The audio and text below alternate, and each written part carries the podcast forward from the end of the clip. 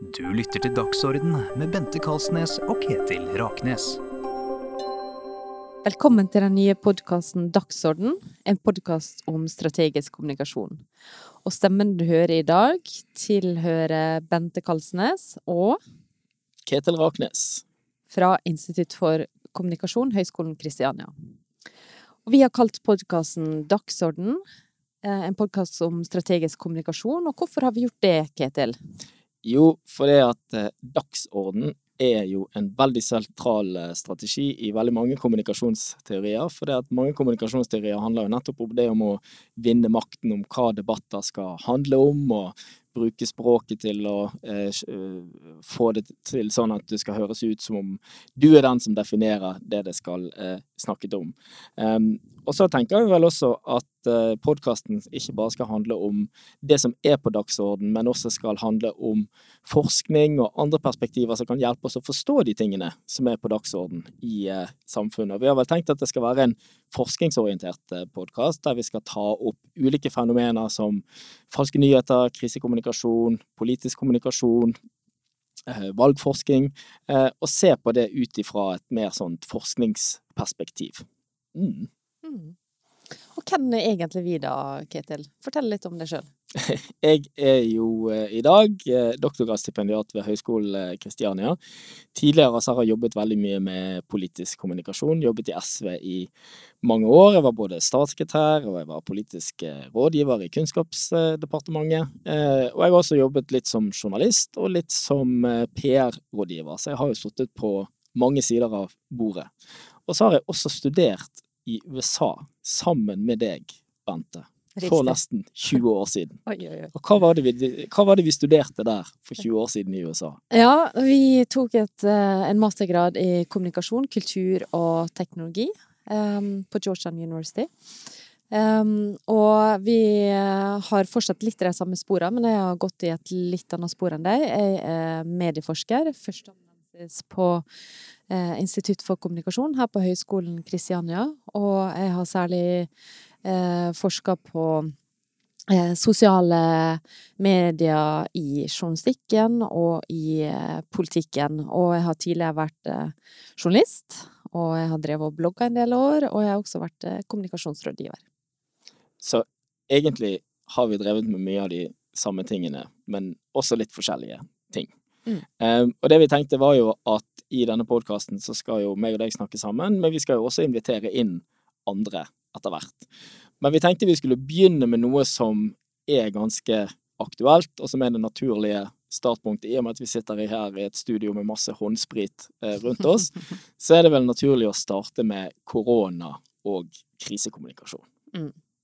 Vi er selvfølgelig prega av den uh, situasjonen vi er i, og noe som vi har sett i veldig mange uker nå, det er noe, uh, ulike former for krisekommunikasjon. Altså at eh, vi er i en ekstraordinær situasjon, og vi, vi ser da ekstraordinære tiltak som blir satt i gang, samtidig som at mange prøver å kommunisere hvordan vi skal endre atferd for å unngå smitte. Og vi kan kanskje begynne med litt av det grunnleggende hvordan skal vi forstå krisekommunikasjon, Ketil? Eh, beste utgangspunktet er jo egentlig eh, å stille seg spørsmålet hva en krise er. Og da finnes det jo i forskningslitteraturen det er liksom to tilnærminger. Det er det vi kaller en organisatorisk krise, som er ofte den mer dagligdagse krisen, hvor en organisasjon, da eksempel hvis noen her på høyskolen hadde begått økonomisk underslag, hvis det var snakk om at eh, studenter hadde blitt eh, trakassert, men da er jo ofte krisen begrenset til organisasjonen, og organisasjonens egen atferd har mye med krisen eh, å gjøre. Og da handler ofte krisehåndteringene om hvem gjorde hva på hvilket tidspunkt, eh, eh, og i hvilken grad organisasjonen har ansvar for det som har skjedd eller ikke. Og så har vi en annen type kriser som vi gjerne da kaller for eh, katastrofer. Eh, og det er jo det vi er mer inne i nå, og det er jo typisk pandemier, terrorangrep. Og der løftes jo krisen ofte opp på et helt annet nivå, nemlig på nasjonalt og globalt nivå.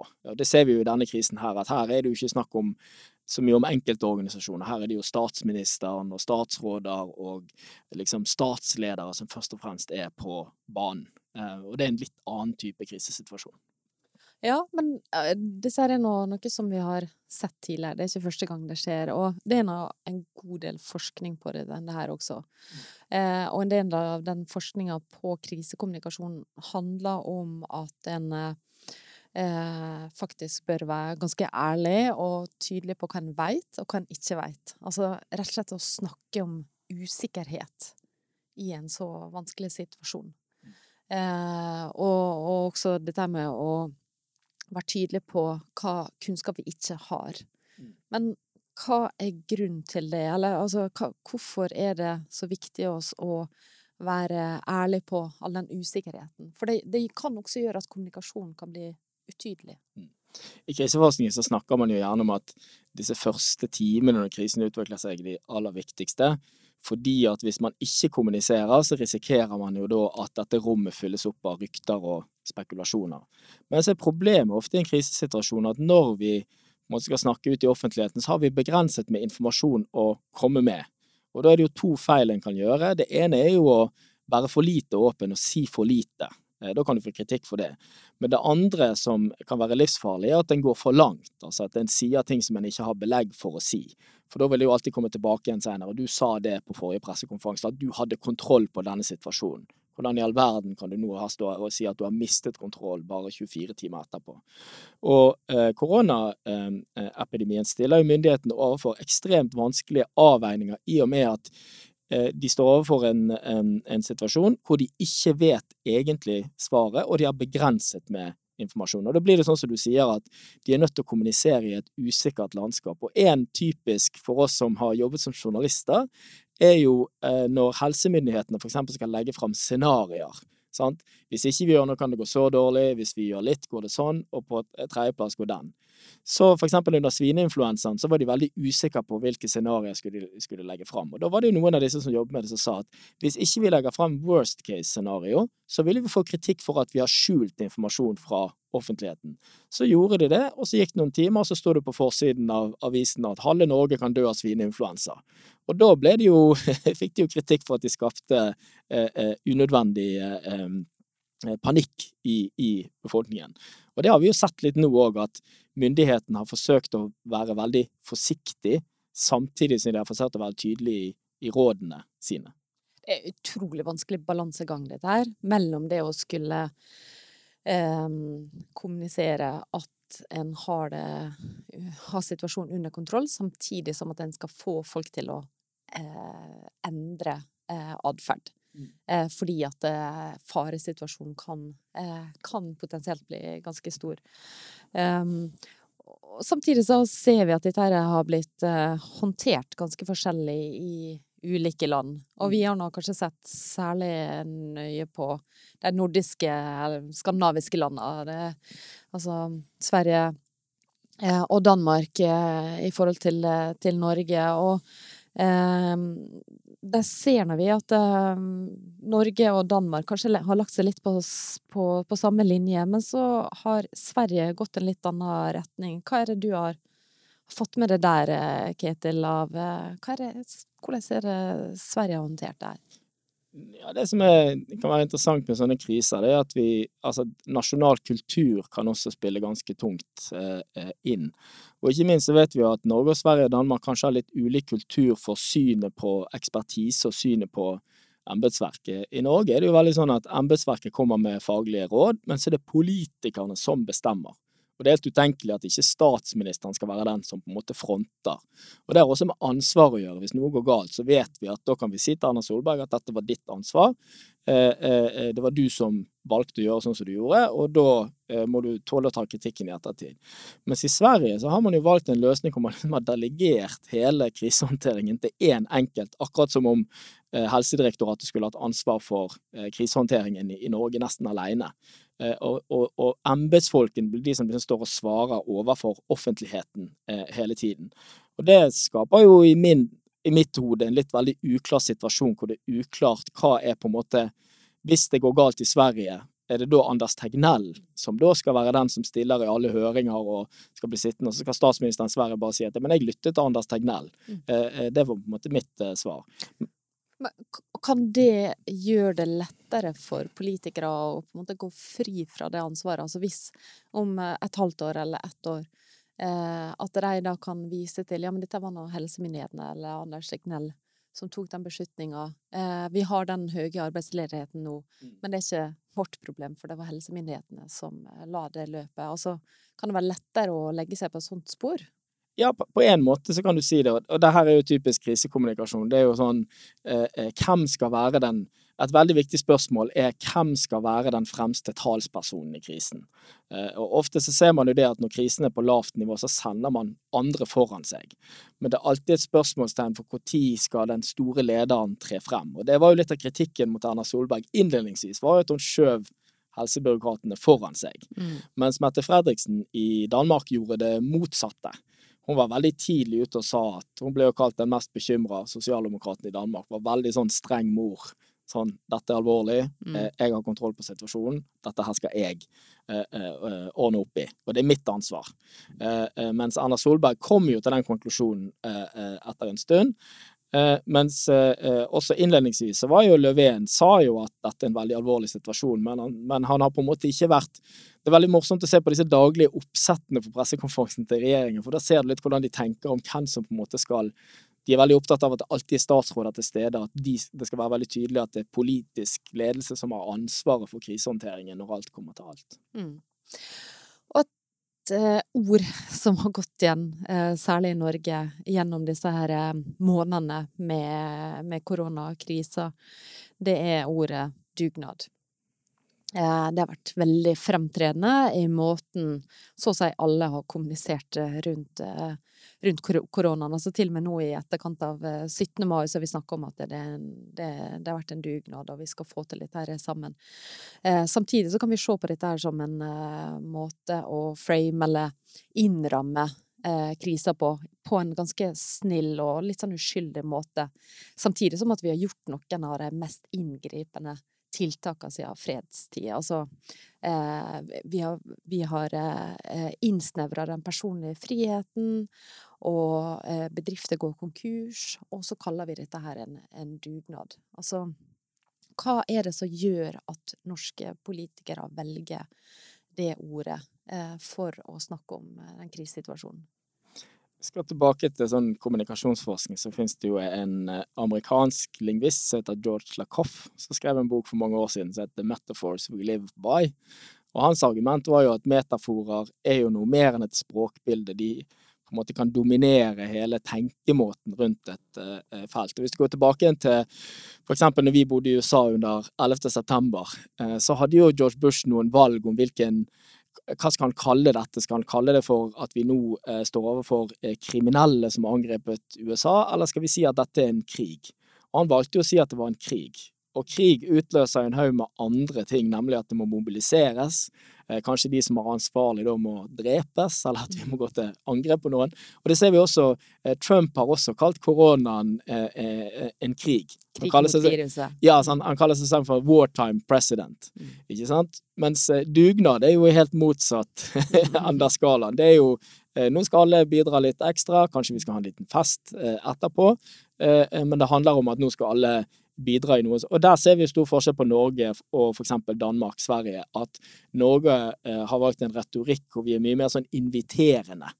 Eh, og dugnad er nok et ord som Det ble kåret til årets ord i Norge i 2004 eller noe sånt. Og det er jo et ord som spiller veldig på det norske. Altså hva, hva er det vi som nordmenn egentlig er? Um, og det mitt inntrykk, i hvert fall, er at det har vært ganske vellykket. Men så er det jo sånn som du sier, at det er jo ikke nødvendigvis alle som føler at vi står i en dugnadssituasjon. Nei, og det er kanskje ikke alle som føler at eh, de får igjen det de den innsatsen de legger inn. Altså hvis du da har en bedrift og du går konkurs, for eksempel, at det er en veldig, veldig høy pris å betale.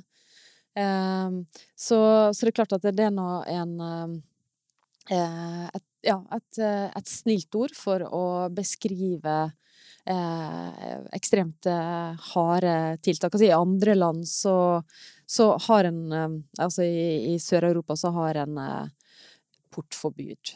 Mm. Eh, og det er klart, hvis vi hadde kalt det portforbud, kunne, en kunne sett for seg at vi kanskje hadde reagert litt annerledes på eh, de tiltakene òg. Hva tror du? Ja, for det, skandinaver er jo ekstremt Vi er veldig anti-autoritær. Så vi i utgangspunktet stoler vi på staten, men vi vil jo ikke at staten skal kjefte på oss eller være veldig sånn for Bruke for inngripende eh, retorikk. Eh, men dette har nok med tillit å gjøre òg.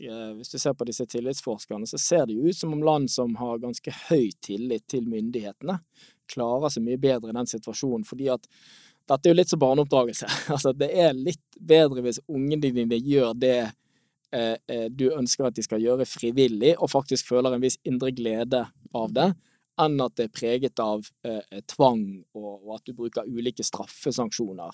Sånn som i Italia, at du må gå rundt og true med og, bruke flammekaster på folk, eller sånn mm. for at de skal følge, følge reglene. da. Eller at i Kina sveiser igjen dørene for at folk skal holde seg hjemme i karantene. Ja. ja. Vi vil ikke ha det. Nei. Nei. Nei. Det tror jeg ikke. Mm. Ja, vi, vi, går litt videre, fordi et annet fenomen som vi har sett i den uh, situasjonen Altså, du var litt inne på dette, at uh, vi kan uh, få situasjoner der det er informasjonsvakuum, det er manglende informasjon, eller det er ubekrefta informasjon, og da har vi sett en tendens til at det oppstår rykter og konspirasjonsteorier og rett og slett falske nyheter rundt eh, hva som er lurt å gjøre. Eh, er det lurt å drikke varm te for å bli kvitt uh, viruset? Det var et sånt kjedebrev som var sirkulert i, i begynnelsen.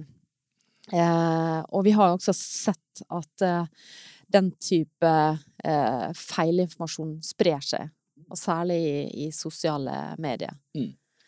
Men nå er vi en, inne på et tema som du kan atskillig mye mer om enn en, en, en meg. Men da har jeg jo lyst til å, å, å spørre deg eh, tilbake igjen, for det, en ting som slår meg, er jo hva er det som gjør at noen mennesker i en situasjon der vi står overfor et veldig farlig og veldig smittsomt virus, eh, for det første velger å tro på disse alternative eh, eh teoriene, men i første omgang også velger å spre dem? Mm. Altså, hva er det som på en måte driver den dynamikken? Mm. Ja, eh, det har nå vært en situasjon der en, det har vært masse usikkerhet og uklarhet hva som uh, gjør at en Eller en kan, hvordan en kan beskytte seg, i hvert fall i starten. Etter hvert så har vi fått ganske klare kjøreregler på det. Men uh, i starten, når dette viruset opptrådte, og uh, det var en del ja, kjedebrev og type sosiale medier-saker som, som sirkulerte, så var det gjerne fordi at folk var engstelige at eh, en var bekymra, og en prøvde å beskytte seg sjøl. Og det er klart, når du leser ting i engstelse, eller kanskje til og med panikk, så kan det være at eh, vi ikke sjekker informasjon så godt. Eh, at vi ikke kontrollerer at dette er troverdig kilde. Og det gjør også at vi kan i større grad tro på det, og kanskje spre det til, til vennene våre. Eh, så det å eh, lese informasjon i, eh, i veldig emosjonelt opprørt tilstand, enten at en blir veldig engasjert, altså fordi at en er veldig politisk engasjert, eller fordi at en er redd, rett og slett. Det kan gjøre at en i større grad sprer feilinformasjon. Mm. Men, men en annen teori som vi begge to har jobbet litt med, er jo denne teorien om det som de kaller altså bekreftelsessyndrom, eller mm. sånn motivated reasoning, som det heter. At hvis vi har veldig sterke meninger om noe, så søker hjernen vår mot informasjon som bekrefter det vi allerede er overbevist eh, om. Mm. Altså Når du ser på Facebook-feeden til vennene dine, så er det jo forbausende hvor lite som overrasker deg over hvilke nyhetssaker de velger å dele, og hvilke de ikke velger å dele. Hva, hva er det som gjør at Altså, hvordan kan det spille ut i en sånn situasjon? Eh, som det vi er i nå? Ja, um, altså at vi har en tendens til å uh, uh, gå mot informasjon som bekrefter det verdensbildet vi har. Fordi at det kan uh, være litt intellektuelt krevende å skulle hele tida få utfordra sitt eget verdensbilde. Så når det blir en del spekulasjon, for eksempel det har vært en del sånn spekulasjon, hvor kommer det viruset fra? Har noen produsert det? Mm. kommer det fra en, en, et laboratorium i Wuhan i Kina. Mm. Eh, og fordi at det har vært eh, mange historier om at eh, kinesiske myndigheter holder tilbake informasjon, det er veldig, altså hemmelighetskremmeri, en skal ikke miste ansikt, så, eh, så det kan gjøre at mange har lavere tiltro til kinesiske myndigheter. Eh, så vi har nå sett mange konspirasjonsteorier om at eh, det viruset har oppstått i et laboratorium, men det kan være med på å bekrefte et verdensbilde som en del har om eh, Kina og kinesiske myndigheter, Mm. at det, det er veldig masse hemmelighetskremmeri rundt eh, det de driver på med. Og, og, eh, og den type sånn bekreftelsetendenser eh, kan gjøre at eh, vi handler på en måte som eh, eh, kanskje ikke er så, så lurt da, i en eh, helse, helsetrussel. Mm. Hvis, vi, hvis en da har lav tillit til myndighetene, for eksempel, og ikke følger myndighetene sine råd når det gjelder hygiene eller avstand, så kan faktisk det være en farlig situasjon. Men det er sånn lav tillit litt sånn ofte sånn forutsetning for at du skal dele eller på en måte tro på denne typen? At du i liten grad tror på myndighetene og i liten grad tror på mediene? Er det en viktig faktor? Det kan være en faktor, men det kan også være eh, faktorer ved eh, plattformene og de sosiale nettverkene som en bruker. At, det, eh, at eh, vi deler informasjon, for det er så lett å dele det, og en blir litt sånn overraska eller sjokkert der og da, og så bare eh, følger en en impuls, og så kan en dele noe. Og så hvis en hadde tenkt seg om, så hadde en kanskje funnet at ja, men dette er en bare humbug. Mm. Um, men det er klart at det, uh, tiltroen en har til, uh, til mediene og, og for så vidt til eh, myndighetene eller til forskning, kan være med på å spille inn på dette. Sånn som vi har sett i, i USA, så har vi sett at det, uh, lav tillit til forskere og til media gjør at en, en del ikke da følger de helserådene som blir, blir gitt i Mm. USA, i en del stater. det, det, det mest liksom, det, det tristeste med USA er jo den statistikken som viser at for eksempel i Norge så er det jo sånn at hvis du stemmer SV eller Frp, så tror jeg begge er enige om at antibiotika er lurt hvis du er syk, og, og at eh, koronaviruset er farlig. Mens i USA ser vi jo at demokrater er mer bekymret for viruset enn republikanere, og at de vasker hendene sine oftere Mm. enn republikanere gjør, mens republikanere da tydeligvis da er preget av den informasjonen som foregår i disse eh, nyhetssfærene som de eh, er i, hvor de er mindre bekymret og mener at dette viruset ikke er så, eh, så farlig. Mm. Og dermed så får du en situasjon hvor befolkningen er veldig For hvis du skal møte dette viruset, så er du veldig avhengig av kollektiv handling, altså at alle må ha ganske lik kriseforståelse, som det heter i, i, i, i krisekommunikasjon. Og det er vel ekstra farlig i en sånn situasjon, hvis deler av befolkningen bare lever i et parallelt univers.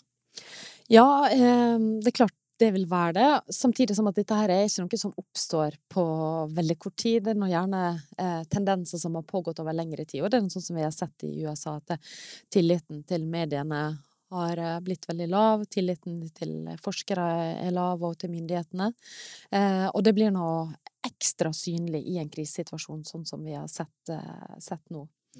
Um, men jeg tror vi skal eh, gå til eh, den siste delen vi har eh, tenkt å snakke om. For vi, du sa innledningsvis at eh, vi skulle ta frem litt eh, bøker og artikler, Ketil, som vi, eh, vi har lyst til å anbefale. Um, så jeg tenkte jeg ville høre med deg. Hva, hva er det du vil eh, dra fram? Ja, jeg eh, har jo lest litt på en bok eh, av en som heter eh, Peter Pomerantsev, um, og den heter This Is Not Propaganda. Um, og det er en bok som handler litt om de tingene vi har snakket om nå, nemlig hvordan uh, denne kampen mot det han kaller en slags uh, objektiv, eller en slags, en slags uh, At vi kan være enige om hvordan virkeligheten ser ut, og hvordan den kampen foregår på ulike arenaer rundt om i verden. Han er jo egentlig halvt eh, eh, russisk, eh, og jeg bor nå i Storbritannia. Så han skrev tidligere en bok som handlet om hvordan eh, russerne på en måte eh, bruker Altså den russiske eh, desinformasjonen og propagandakampanjene. Eh, og nå skriver han jo om Han drar til Filippinene, eh, han drar rundt i Europa, han drar til veldig mange land. Og det som er fint med boken, er at han forsøker å beskrive mer den kaotiske informasjonssituasjonen mange land befinner seg i, mer enn at han er veldig sånn moralistisk. Han bare sier at dette er en ny situasjon. Og det som er interessant, er at han drar opp et gammelt ord som du også drar opp i din bok om Mm. falske nyheter, nemlig propaganda, som vi ikke Mm. egentlig har snakket om. Det snakket jo man veldig mye om når man analyserte mellomkrigstiden i sin tid. Altså den bevisste villedningen av store befolkningsgrupper, det å plante teorier Mm. som skal få de til å agere på en viss måte, det er jo på full vei eh, eh, tilbake igjen. Og det er nok en sånn Den boken beskriver veldig godt den, eh, den, eh, den utviklingen. Mm. Men det er også ganske stor forskjell på den type propaganda vi ser, i hvert fall digital propaganda vi ser i dag, sammenligna med kanskje under den kalde krigen, der det kanskje var tydeligere, det kunne være plakater, og at det var tydeligere hva en prøvde å oppnå. Mm. Eh, mens nå kan det være mer subtilt, vi vet ikke hvem som står bak, det kan være litt vanskelig å se hva er hensikta, og kanskje hensikta er rett og slett å skape kaos. Så, så den, de uttrykkene vi ser for eh, digital propaganda, eh, kan også være vanskeligere å avdekke. Eh, det kan være automatiserte Twitter-kontoer og eh, eh, hemmelige Altså sosiale medier, det kan være Facebook-arrangement Mm. så vi ikke vet hvem som står bak. Men, men jeg tror at det som han skriver en del om, og som jeg tror er veldig riktig, hvis du ser på det siste Trump gjorde nå, så var det jo da det som det heter i, i kommunikasjonsfaget If you don't like the conversation, change the conversation. Mm.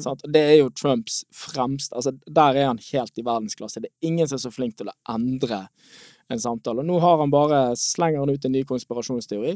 Kanskje det er Obama sin feil, alt sammen. Mm. Kanskje det var han og hans folk som på en måte gjorde masse feil i, i, i sin tid, og nå, har han, nå er det liksom Obama-greit. Han får til og med etablerte medier til å skrive om det. Og det er ganske dyktig gjort, Mm. fordi at da klarer du å skape en situasjon hvor det tror mange en del ser seg tjent med, både russere og Trump ser seg tjent med, er en verden der ingenting, alt er virkelig og, og alt er egentlig sant. Og da kan vi ikke skille noen av disse tingene fra hverandre. Og da betyr det at det er like greit å ha en som heter Putin eller en som heter Trump som styrer landet. Det kan være like greit det som hvilket som helst annet. Fordi alt er jo like Alt er jo like ræva når det kommer til stykket. Eh, jeg tenkte jeg skulle dra fram en rapport um, som handler om en del av eh, den type faktasjekkingen jeg har sett i den koronasituasjonen. Det er Reuters Institute som har gått gjennom eh, det som, blir, eh, det som har blitt eh, vurdert av faktasjekkorganisasjoner rundt omkring i verden som feil. Um, og der har de gjort eh, den type debunking, altså de har gått gjennom og sett hva, hva er problemet med disse utsagnene. Og det eksempelet som du drar fram med, med Trump, der det kommer en sånn konspirasjonsteori på, på bordet Det har ikke vært det mest framtredende når det gjelder feilinformasjon som har vært, har vært massivt spredt i den koronakrisa. Det som er mer typisk eh, i mange land, det er at du har eh, saker som der det er litt feil, det er hardt vinkla, eller det er vridd på en måte som gjør at det totalbildet blir feil. Eh, eller ting kan være tatt ut av kontekst. Og det kan være for eksempel et bilde eller en video som er, er fra en annen kontekst. Så eh, det er nå på en måte det store bildet i den situasjonen, at det, eh, råd som viser seg å ikke stemme helt, altså hvordan du skal kurere korona, det har vært noe av det mest framtredende. Mens disse her fullstendig oppspinn av informasjon der alt er konstruert, det er mindre typisk i de fleste land. Men det har jo jeg også eh, lest, at disse som driver med misinformasjon, altså desinformasjon, og de er ofte veldig bevisst på at du må alltid legge inn en liten kjerne av sannhet. Mm. Det, og, så, og så på en måte den store løgnen må liksom, liksom bygges over en liten kjerne av sannhet. Fordi at hvis du kan bekrefte den lille tingen først, så gjør, får det det hele til å fremstå som mer eh, troverdig. Er det det som preger en del av disse sakene som du har sett på? At det er sånn at noe av det kan stemme, mens liksom hele overbygningen, så bruker man på en måte da alle disse triksene i kommunikasjonsboken til å få resten til liksom å dra i en helt annen retning enn det faktaene peker. Ja, eller det gjør det i hvert fall vanskeligere å avdekke, fordi at eh, da, Og det da vil det være lettere å tro på, i den forstand at eh, folk gjenkjenner en del av informasjonen. Ja, men dette her eh, må, må nå stemme. Eh, men så er det et eller annet som blir eh, vridd litt ekstra rundt. Mm. Eh, så, så det er klart den type informasjon er det vanskeligere å håndtere. Eh, og disse eh, ja, rapportene og bøkene som vi har, eh, og artiklene som vi har snakka om nå, skal vi også legge ut. Vi skal dele på Facebook-sida til podkasten Dagsorden. Vi vil jo ha lesende lyttere. Folk som Du har jo lest hele Reuters-rapporten, kjenner jeg rett, Bente. Ja, Inklu- Inkludert fotnotene.